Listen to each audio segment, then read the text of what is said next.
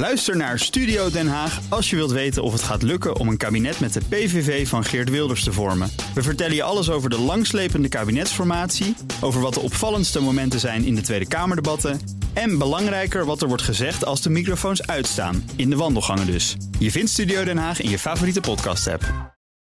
Toet toet, Nout Broekhoff, autonieuws met Nout Broekhoff van de Nationale Autoshow. Het uh, nieuws deze ochtend op autogebied is natuurlijk de mogelijke fusie tussen Fiat Chrysler en Renault. We hoorden net Wouter Karsen, onze collega daarover, ja. ook al.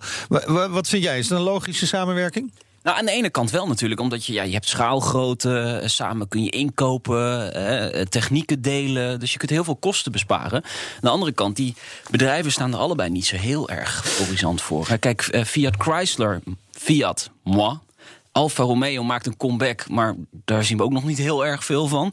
Uh, Maserati hoor je heel weinig over. Lancia is dood. Uh, Jeep Jeep doet het goed. Ja, Jeep dat is in, echt een, in uh, Amerika vooral. Ja, uh, Renault Group. Nou, uh, heeft ook Dacia natuurlijk. dat gaat eigenlijk best aardig. Maar die hebben onwijs een probleem met die alliantie. Hè? Dus met Nissan, Mitsubishi.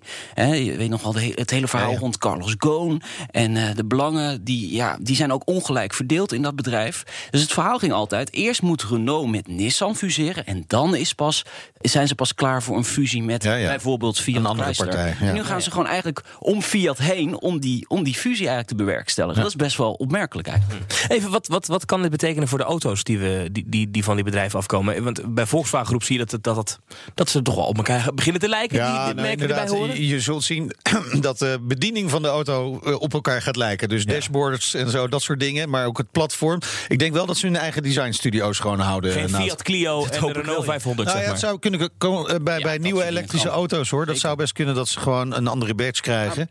En je ziet het bij PSA nu. Hè. PSA heeft uh, Opel ingelijfd. En de nieuwe Corsa staat op het platform van de Peugeot 208. Ja, maar design is nog wel verschillend. Uh, design is je, wel je hebt, je verschillend. hebt natuurlijk ook wel in het verleden gehad dat je twee merken had. Maar die auto's, nou ja, ik neem maar even de iGo bijvoorbeeld. Ja, Daar, heb je, daar heeft ook een Peugeot-versie van en een uh, Citroën-versie van. Citroën C1, ja. En die lijken allemaal heel erg op elkaar. Die hebben ja, paar details zijn veranderd, maar vooral de badge is anders. Ja. Ja. Dus dat zou kunnen. Maar wat, wat Thomas zegt, is, dat is wel waar. Kijk, Volkswagen is zo enorm groot. Hè? Ja. Die groep, hè, met alle uh, merken, Skoda, Audi, Porsche zit er natuurlijk ook nog in. Die verkopen meer dan 10 miljoen auto's in een jaar. Nou, als zij nu samen gaan, Fiat Chrysler en uh, de Renault groep... dan kom je bij 9 miljoen auto's.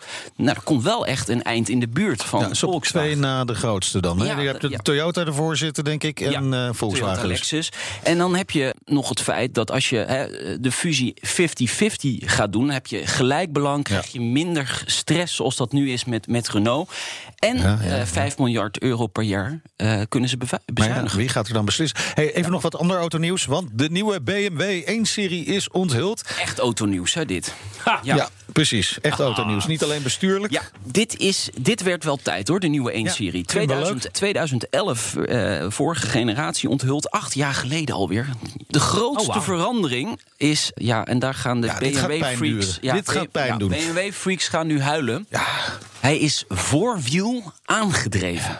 Ja, maar dan moet ik eerlijk zeggen, ik denk dat de meeste mensen die een BMW 1-serie hebben gekocht, niet eens wisten Nee. dat hun auto achterwiel aangedreven was. Maar toch, Nee, maar goed, het is een. Het is wel een voor echte- BMW-freaks. het is een soort wende. Ja, zeker. Hey, en ook heel opvallend: vijf motoren beschikbaar, twee benzines, drie diesels. Oh, diesels, diesel is nog lang niet dood bij eh, BMW. Wouter, Wouter heeft een BMW Gaan 1-serie we vrijdag met achterwielaandrijving. Ja, je had hem net aan de lijn. Die gaat geen nieuwe kopen. Dat is eh, denk ik eh, Nee. kansloos. We weten nog niet heel erg veel over de marktintroductie. Ik zie dat ik moet afronden, maar ik zeg het toch nog even. En de prijs weten we ook nog niet in juli. Dus je hebt eigenlijk geen nieuws van. Dan mag je tegen die tijd nog een keer terugkomen. Dankjewel, Nout. Ook Liesbeth Staats vind je in de BNR-app. Ja, heel handig. Luister live naar Kees en mij tijdens de Daily Move. Dan blijf je ook gelijk op de hoogte van breaking news en het laatste zakelijke nieuws. En daar vind je ook alle BNR-podcasts, waaronder de Perestrooikast. Download nu de gratis BNR-app en blijf scherp.